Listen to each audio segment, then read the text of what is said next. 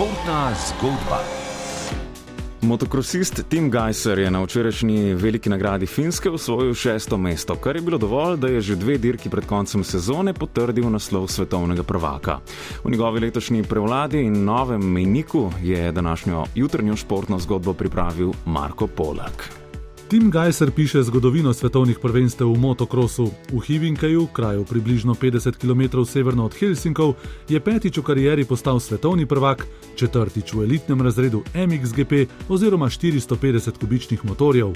V deželi tisočerih jezer sicer slovenski šampion ni prikazal predstav, ki smo jih bili od njega v letošnji sezoni vajeni. V dvoboje za vsako ceno se v zahtevni globoki mjuki ni spuščal, tudi ni bilo potrebe, da bi preveč tvegal. Na sever stare celine je namreč prispel z ogromno prednostjo, ki si jo je z osmimi zmagami priboril v prvem delu sezone, da je zato lahko obral bolj varen pristop in osvojil le toliko točk, kolikor jih je potreboval. Pri skoraj 26, dopolnil jih bo 8. septembra, velja za enega najbolj izkušenih v svetovnem prvenstvu, obenem je že zdaj eden najuspešnejših.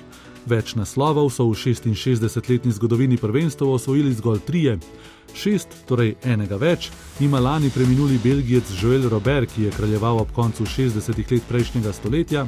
Devetkrat je bil najboljši italijan Antonio Cairoli, ki se je v jeseni svoje kariere to odločil nadaljevati onkraj Atlantika v ameriškem prvenstvu, na vrhu večne lestvice z desetimi pa je še en belgijec Stefan Everts, ki se je upokojil leta 2006.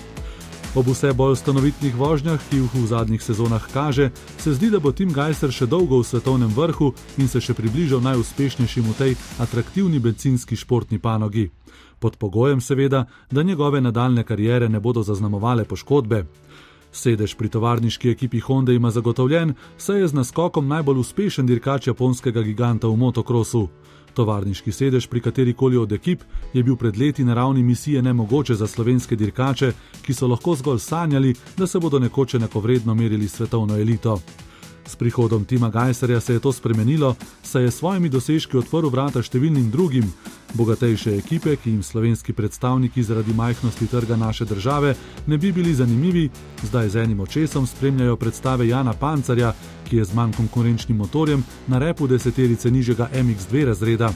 Še pomembneje za razvoj motokrosa pri nas, ki mu večina medijev neopravičeno namenja manj pozornosti kot denimo tudi tistim najmanj gledanim olimpijskim športom, pa je dejstvo, da se po zaslugi Tima Geiserja na dirkah nižjih kategorij državnega prvenstva pred startnimi zapornicami pojavlja vse več nadobudnih mladcev.